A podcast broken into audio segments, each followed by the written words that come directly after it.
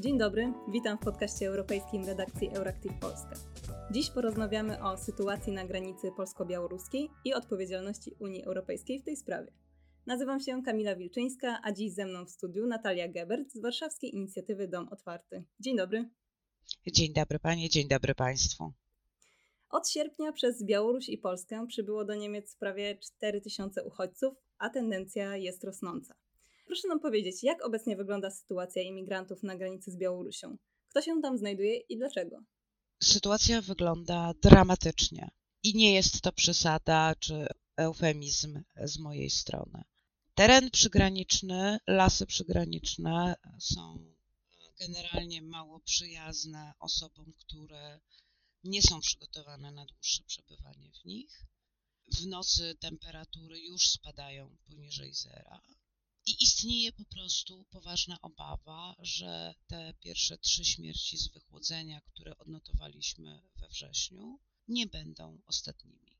Stan, w jakim znajdujemy ludzi, jest drastyczny. Hipotermia, odwodnienie, e, znaczące pogorszenie się już wcześniej istniejących chorób. Jak na wiosnę stopnieje śnieg, będziemy liczyć trupy. Mhm. Unia Europejska zakłada, że Łukaszenko bierze odwet za decyzję Brukseli o nałożeniu sankcji na Białoruś. Podejrzewa się, że władze białoruskie celowo sprowadzają migrantów do kraju i przemycają ich do granic ze wschodnimi państwami Unii Europejskiej. Niemieckie władze wszczęły nawet dochodzenie przeciwko prezydentowi Białorusi, aby zbadać tę sprawę. Czy białoruskie władze rzeczywiście wykorzystują imigrantów do wywierania presji na władze w Polsce, na Litwie i Łotwie? Łukaszenko owszem wymyślił sobie, że będzie drugim Erdoanem i spróbuje szantażować Unię za pomocą uchodźców. I to, o czym pani mówiła, e, to, że podróż do Białorusi jest tym osobom ułatwiana, jest jak najbardziej prawdą. To, o czym się już nie mówi, to o tym, że ta idylla się w którymś momencie kończy. Uchodźcy zostają po prostu zapakowani do autobusów albo wojskowych ciężarówek i wywiezieni na granicę gdzie pod groźbą użycia wobec nich broni są zmuszani do przekroczenia granicy. Nie tak im to przedstawiano. Informacje, jakie Białoruś zawiera w swoich reklamach skierowanych do tych, którzy chcieliby się wyrwać blisko wschodniego piekła, wygląda oczywiście bardzo różowo. Tak, przyjedźcie do nas, a od nas to już w ogóle krok do Unii, a w ogóle to sobie zamówicie taksówkę i zaraz będziecie w Niemczech, nie ma problemu. Rzeczywistość jest taka, że czy ktoś chce, czy nie chce, jest zmuszony do przekroczenia granicy z Polską, a po drugiej stronie spotyka go dokładnie to samo, to znaczy polskie służby zmuszają go do przekroczenia z powrotem, do przejścia z powrotem na Białoruś. I tak oto w tej politycznej grze nie tylko karzemy ofiary tego procederu, który uprawia Łukaszenka, ale przy okazji obie służby grają sobie w ping-ponga żywymi ludźmi. W obliczu impasu w rozmowach na temat nowego unijnego paktu migracyjnego kilka państw członkowskich Unii Europejskiej złożyło propozycję legalizacji tzw. Tak wypychania nielegalnych imigrantów z granic. Działanie określane jest angielskim terminem pushback i budzi jednak wiele kontrowersji prawnych. Gdzie w tym momencie jest Unia Europejska? Czy ucieka od swojej odpowiedzialności? Przede wszystkim, Pani Kamilo, nie ma takiej kategorii jak nielegalny imigrant. Nikt nie jest nielegalny. Nie ma mhm. ludzi nielegalnych. Jak pani przejedzie na czerwonym świetle, nikt pani nie nazwie nielegalnym przechodniem, tak? Mhm. Nielegalny może być czyn, w tym przypadku przekroczenie granicy, ale nigdy sam człowiek. Jeśli chodzi o pomysły legalizacji pushbacków, chciałabym móc powiedzieć, że to, co się dzieje na polskiej granicy jest i na wschodniej granicy Unii przy okazji, jest jakimś absolutnym ewenementem, ale nie jest. To jest średnia europejska. Tak, tak jak nie wiem, na szlaku bałkańskim się szczuje uchodźców psami, na granicy bułgarskiej są bojówki, które po prostu polują na ludzi. W Grecji łodzi są, łodzie są zawracane na środek morza i pozbawione silników. Żeby dać tylko kilka przykładów, Europa stosuje pushbacki z powodzeniem od dłuższego czasu. Pushbacki nie są legalne i trzeba by zmienić konwencję dotyczącą statusu uchodźców, żeby w ogóle podjąć próbę zalegalizowania czegoś takiego. Dyrektywa powrotowa, która dosyć szczegółowo określa prawa i obowiązki e, osoby, która ma opuścić terytorium Unii, mówi bardzo wyraźnie w artykule czwartym, że niezależnie od tego, jakie rozwiązania konkretne dane państwo przyjmie, to jeżeli z prawa unijnego i prawa międzynarodowego wynikają korzystniejsze dla tej osoby rozwiązania, to one nadal obowiązują. A to oznacza, że nie można rozporządzeniem czy ustawą zawiesić dostępu do procedury azylowej. Można oczywiście próbować, nasz rząd, polski rząd próbuje, zrobił to rozporządzeniem, lada moment będzie obowiązywać ustawa wywózkowa, która ma to legalizować, ale w świetle prawa unijnego i w świetle prawa międzynarodowego takie działania są i pozostaną nielegalne. Mhm. Czy mogłaby coś Pani jeszcze powiedzieć o tej ustawie? Ustawa wywózkowa ma być kolejną próbą zalegalizowania tych praktyk, których teraz dopuszcza się Polska Straż Graniczna na polecenie ministra spraw wewnętrznych, czyli wywożenia ludzi do lasu. Pierwsza próba legalizacji była w poprawce do rozporządzenia dotyczącego tego, kto może, a kto nie może w czasie pandemii stawiać się na polskiej granicy. To rozporządzenie jest z marca zeszłego roku i wtedy już nie zawierało osób poszukujących ochrony międzynarodowej, nie obejmowało. Ministerstwo twierdziło, że to jest taka oczywista oczywistość, że każdy może przyjść i poprosić o ochronę międzynarodową, że nie trzeba tego w rozporządzeniu ujmować. Natomiast e, dodano 20 sierpnia dodano zapis, że osoby, które przekraczają granice nielegalnie, podlegają właśnie takiemu natychmiastowemu zawróceniu. I to ma na myśli rzeczniczka Straży Granicznej, jak mówię, że zastosowano procedurę z rozporządzenia. Ustawa wywózkowa ma ten proces legalizować na wyższym poziomie niż rozporządzenie i de facto legalizuje to samo. Zmienia o tyle, że będzie jakiś papierowy ślad po obecności danej osoby w Polsce bo osoba, która e, nielegalnie przekroczy granicę i zostanie zatrzymana przez Straż Graniczną, ma otrzymać tak zwane postanowienie o, dotyczące nielegalnego przekroczenia granicy, w którym otrzymuje nakaz natychmiastowego opuszczenia terytorium Polski i przy okazji zakaz wjazdu do strefy Schengen. Od tego się można odwołać, ale już z zagranicy. To znaczy ta decyzja jest natychmiastowo wykonywalna.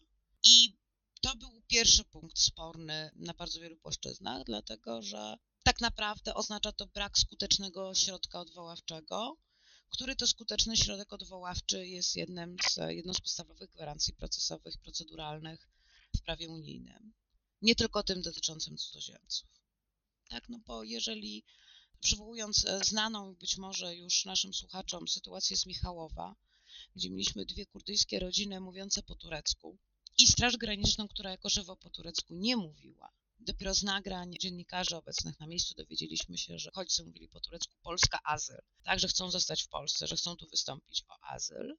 To teraz taka osoba dostaje jakiś papier po polsku, zostaje zmuszona do jego podpisania, a że Straż Graniczna zmusza uchodźców do podpisywania różnych papierów po polsku, to już wiemy. Wręcza się jej ten papier i do widzenia, tak, tu jest granica z Białorusią w tamtą stronę zakładając, że ten ktoś będzie miał szczęście i przy całej tej procedurze, albo przynajmniej przy momencie zatrzymania przez Straż Graniczną, będzie obecny ktoś z aktywistów działających w tej chwili na granicy i będzie mógł pełnić rolę pełnomocnika.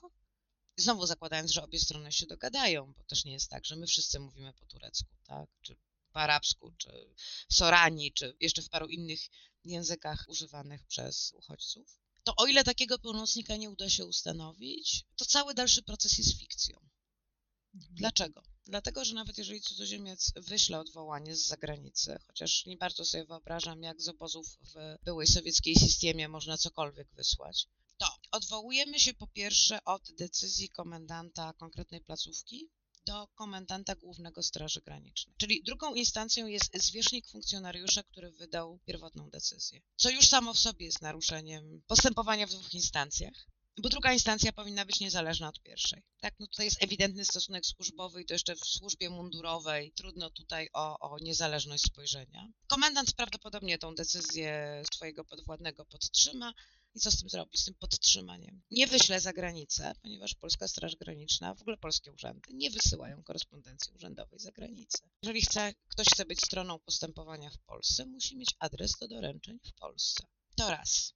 Zakładając nawet, że Straż Graniczna zrobiłaby wyjątek i wysłała naszemu cudzoziemcowi tak, informację, że komendant główny podtrzymał decyzję swojego podwładnego no to dalsza ścieżka proceduralna zakładałaby odwołanie do e, Wojewódzkiego Sądu Administracyjnego. I jak ma to zrobić cudzoziemiec z zagranicy?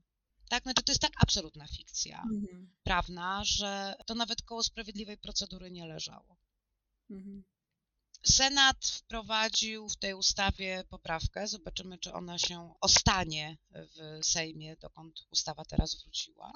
Zgodnie z którą e, tej decyzji o nakazie opuszczenia Polski nie, nie wykonuje się od razu, jeśli dotyczy rodziców z małymi dziećmi, niepełnoletnimi, e, którzy złożyli zażalenie. Czyli A. Tylko i wyłącznie rodzice z małymi dziećmi. Jeżeli małe dzieci podróżują z kuzynem, a ze starszą siostrą, dorosłą siostrą, czy tak jak ostatnio mieliśmy przypadek dwuletniej dziewczynki z Syrii, która podróżowała z babcią, to ta poprawka już ich absolutnie nie chroni. I dwa, cudzoziemiec musi wiedzieć, że ma możliwość złożenia zażalenia, czyli musi zrozumieć całą procedurę, czyli wracamy do tego, o czym mówiłam na początku. Więc jest to poprawka tak naprawdę czysto iluzoryczna, niestety. Mhm. Komisja Europejska domaga się dopuszczenia na granicę z Białorusią Frontexu. Polska odmawia. Dlaczego? Być może dlatego, że jak e, dzisiaj czytałam, Frontex, e, czy dokładniej rzecz biorąc, oficer Frontexu do spraw praw podstawowych, raportował 14 zbiorowych wydaleń z terenu Litwy. Na Litwie Frontex jest obecny, które to zbiorowe wydalenia są naruszeniem przepisów unijnych. I zapewne z tego samego powodu, z jakiego nie dopuszcza się na granicę dziennikarzy, nie dopuszcza się lekarzy, nie dopuszcza się adwokatów, nie dopuszcza się organizacji społecznych. Dokładnie z tego samego powodu Polska nie chce, polski rząd nie chce dopuścić Frontexu, bo nie chce, żeby ktoś im patrzył na ręce. No właśnie, Warszawa zdaje się, że nie przekazuje szacunków co do liczby migrantów e, na granicy w ramach trwającego wciąż stanu wyjątkowego odmawia się dostępu do granicy właściwie wszystkim. Wspomniała Pani, że działają tam aktywiści. Jak oni sobie z tym radzą? Każdy z nas ma trochę inne sposoby radzenia sobie z takim stresem. Niektórzy z nas pracowali wcześniej na innych granicach, więc mamy jakieś doświadczenia. Dla niektórych jest to zupełnie nowy rodzaj działalności. Um, prawdę mówiąc, ja to, zaczynając działania monitoringowe przy granicy, my byliśmy święcie przekonani, że właśnie to będziemy robić. Będziemy monitorować, będziemy udzielać pomocy prawnej, um, tak, będziemy pilnować, żeby zostały wszczęte odpowiednie procedury. Nie przewidywaliśmy, do głowy nam nie przyszło, że cywilizowane państwo w środku Europy w połowie XXI wieku będzie pozwalało ludziom umierać z głodu i chłodu. I te nasze działania przekształciły się w działania ratowniczo-humanitarne w reakcji na potrzeby chwili, tak? No taka jest sytuacja. Papier później, najpierw ludzkie życie. Czasem zgłoszeń jest tak dużo, że ludzie nie śpią dobę albo i dłużej a i tak wszystkich nie jesteśmy w stanie obsłużyć, i tak wszystkich nie jesteśmy w stanie sprawdzić. Czasem nie uda nam się kogoś znaleźć albo zdążyć przed Strażą Graniczną. Jeśli ktoś uważnie śledzi temat, to widział już i zdjęcia, na których Straż Graniczna próbuje wyrwać uchodźcom koce termiczne, które od nas dostają słyszał już te historie o tym, jak akurat Fundacja Ocalenie się przytrafiło. Fundacja rozmawia ze Strażą Graniczną, pytając, gdzie są osoby, które udzieliły ich prawnikowi pełnomocnictwa do reprezentowania ich. Prawnik chciałby się z nimi zobaczyć. I Straż Graniczna mówi, że ale nie, no na pewno są u nas cały czas w Polsce, a jednocześnie na drugi telefon przynosi, przychodzi pineska z Białorusi. To jest ten poziom bezprawia, ten poziom lekceważenia ludzkiego życia, którego się nie spodziewaliśmy nawet po obecnej władzy, która nigdy uchodźcom nie była szczególnie przychylna, ale jednocześnie wyrażała głęboki szacunek dla życia ludzkiego w ogóle, dla życia dzieci w szczególe. No najwyraźniej ten głęboki szacunek kończy się na warstwie deklaratywnej. Białoruski rząd wpuszcza na swoją granicę dziennikarzy, ale są to dziennikarze prorządowych białoruskich mediów. Zdaje się, że i u nas jedyna telewizja, która działa pod granicą jest telewizja polska. Proszę mnie poprawić, jeśli się mylę. Czy możemy powiedzieć, że Polska i Białoruś podejmują nowe działania dezinformacyjne? Jakimi danymi żongluje władza i co chce ukryć? To, co chce ukryć, to jest oczywiste. Chce ukryć praktyki, jakie na jej polecenie są stosowane wobec uchodźców na granicy. O większości spraw nie wiemy. Większość uchodźców nigdy nie wydostaje się poza strefę stanu wyjątkowego. E, a przez to nie mamy możliwości dotarcia do nich, e, zaoferowania im czy jedzenia, czy picia, czy, czy właśnie pomocy prawnej. Natomiast ci uchodźcy, którzy przejdą przez strefę, mówią, że w lasach leżą ludzkie ciała. Więc zasadniczo już wiemy, co władza chciałaby ukryć. Nie wiemy, jakie są liczby. Ponieważ nawet na takim zupełnie bazowym poziomie, to co Straż Graniczna opowiada na Twitterze, czy przekazuje dziennikarzom pytającym, rozmawiającym z, z rzecznikiem, rzeczniczką, nijak się na przykład nie ma do tego, co raportuje do Frontexu, co ostatnio zauważyła konferencja ambasadorów Rzeczpospolitej Polskiej. Na pewno nie wpuszczenie dziennikarzy do strefy stanu wyjątkowego, a nawet media podporządkowane obecnej władzy nie mają pełnego dostępu. Sprawiło, że oddaliśmy walkowerem pole białoruskiej propagandzie. Tak, że praktycznie jedyne informacje, tak stricte z nadgranicy, jakie się pojawiają w przestrzeni medialnej, to białoruska propaganda. Gdybyśmy mieli dziennikarzy w strefie, to owszem, zapewne poznalibyśmy znacznie więcej takich dramatycznych historii jak, jak dzieci z Michałowa, z jednej strony. Z drugiej strony natomiast na białoruski filmik z polskim pogranicznikiem, który szczuje psa na uchodźców, moglibyśmy odpowiedzieć zdjęciem polskiego pogranicznika, który oddaje uchodźcy swoje buty. A takie rzeczy też się dzieją. Nie wszyscy w Straży Granicznej są zadowoleni z tego, co się dzieje i są szczęśliwi z powodu otrzymanych rozkazów. Są tacy, którzy już poszli albo wybierają się na L4, czyli na zwolnienie, bo zaciągając się do, do służby mundurowej, nikt się jednak na coś takiego nie pisał. Ja sobie wyobrażam, że strażnicy, którzy pilnują cały czas Afgańczyków w Usnarzu, już dawno mają PTSD. To, że oddaliśmy walkowerem pole białoruskiej propagandzie, propagandzie białoruskiego reżimu, ma jeszcze ten skutek, że Łukaszenko, mając pełną swobodę w kształtowaniu przekazu z nadgranicy, oczywiście wybiera te najgorsze możliwe obrazki i pokazuje swojej opozycji, mówiąc: Patrzcie, tak strasznie chcieliście do Europy, tak krzyczeliście o wartościach, o prawach człowieka. No to zobaczcie, co oni ludziom robią. Instytut Monitorowania Praw Człowieka na Litwie podkreśla, że osoby ubiegające się o azyl muszą również mieć przy sobie dokumenty osobiste. Jednak z drugiej strony media informują, iż większości imigrantom dokumenty skonfiskowali białoruscy funkcjonariusze. Wydaje się, że wszystkie procesy mają utrudnić imigrantom ubieganie się o azyl, więc jak powinna działać efektywna procedura azylowa? Nie wiem skąd ten pomysł, że osoba, która chce się ubiegać o ochronę międzynarodową, powinna mieć przy sobie dokumenty. To nie wynika ani z e, konwencji genewskiej, ani z dyrektyw unijnych. Przyznam szczerze, to dla mnie jak zupełnie nowa, nowa koncepcja. Zdarza się, E, że osoby, które chcą się ubiegać o ochronę, nie mają dokumentów z różnych powodów. Albo dlatego, że uciekając przed prześladowaniem ze strony reżimu, pierwsze co ludzie robią, to niszczą paszport, bo po paszporcie można ich namierzyć. Większość paszportów w tej chwili jest biometryczna. Władze Czeczeni bez problemu namierzają w ten sposób opozycjonistów. Wyobrażam sobie, że to samo Łukaszenka robi ze swoją opozycją. Więc bezpieczniej jest nie mieć paszportu albo mieć fałszywy.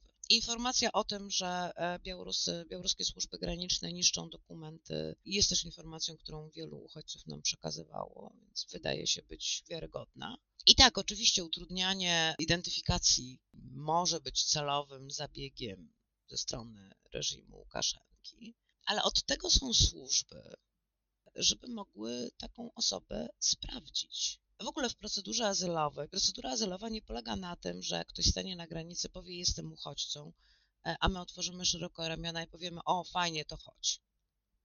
To tak nie działa.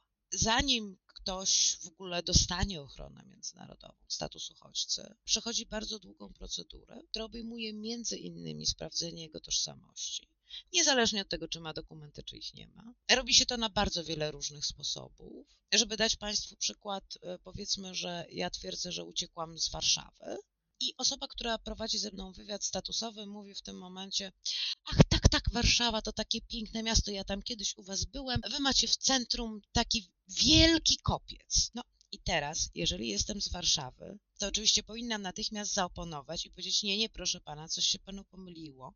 Kopiec to jest w Krakowie. My w Warszawie mamy w centrum Pałac Kultury. Bada się język, jakim dana osoba mówi. Tak jak w angielskim da się po akcencie odróżnić, kto skąd jest, tak samo da się to zrobić w arabskim, da się to zrobić też w niektórych innych językach używanych na Bliskim Wschodzie. Naprawdę te osoby są weryfikowane na całą masę różnych sposobów.